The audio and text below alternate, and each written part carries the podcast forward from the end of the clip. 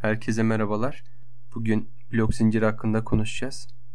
Öncelikle blok zincir ne olduğunu bilmemiz gerekiyor. Blok zincir Bitcoin için üretilmiş bir altyapı. Daha önce tabi bununla ilgili buna benzer altyapılar üretildi ama şu an için en aktif kullanılan ve en sağlam altyapılardan bir tanesi bu. Blok zinciri tanımak için sadece bu yetmez tabi. Blok zincir mantığı tamamen şöyle işliyor. Binlerce belki milyonlarca bilgisayar birbirine bağlı. Bir sistem üzerine bağlı. Burada yapılan işlemlerin bilgisayarlarda kayıt olarak tutulması, otomatik bir şekilde imzalanması, bir de aynı şekilde hesaplanması imkansız olan parametrelerle şifreleniyor. Burada zincir kelimesi de aslında şundan geliyor. Kayıt sırasında önceki ile sonrası arasında bir veri bağlantısı kuruyor. Buna da veri bağ kurulduğu için buna da zincir kelimesi kullanılıyor. Daha doğrusu İngilizcesinde de chain olarak geçiyor. Sistemler birbirine bağlı olduğu için bunların her biri birer zincir parçası olarak kabul ediliyor ve buna blok zincir deniyor.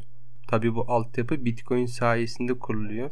2008 yılında bir Japon girişimci tarafından kuruluyor.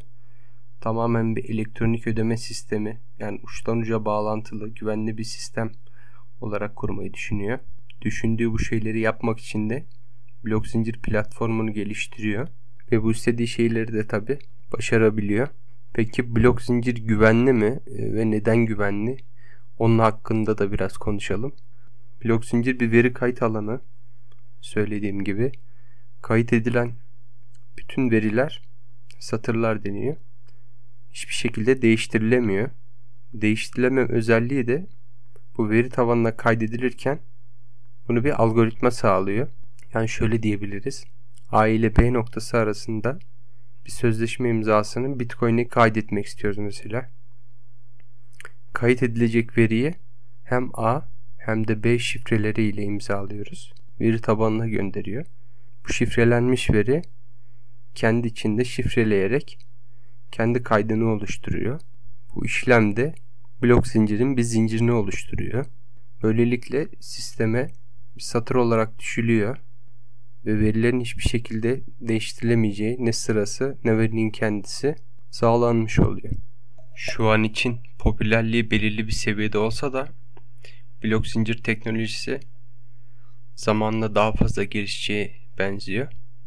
Çünkü kayıtların güvenli bir şekilde tutulması, değiştirilemez olması çoğu sektörün blok zincirine adapte olmasını gerektiriyor gibi düşünüyorum.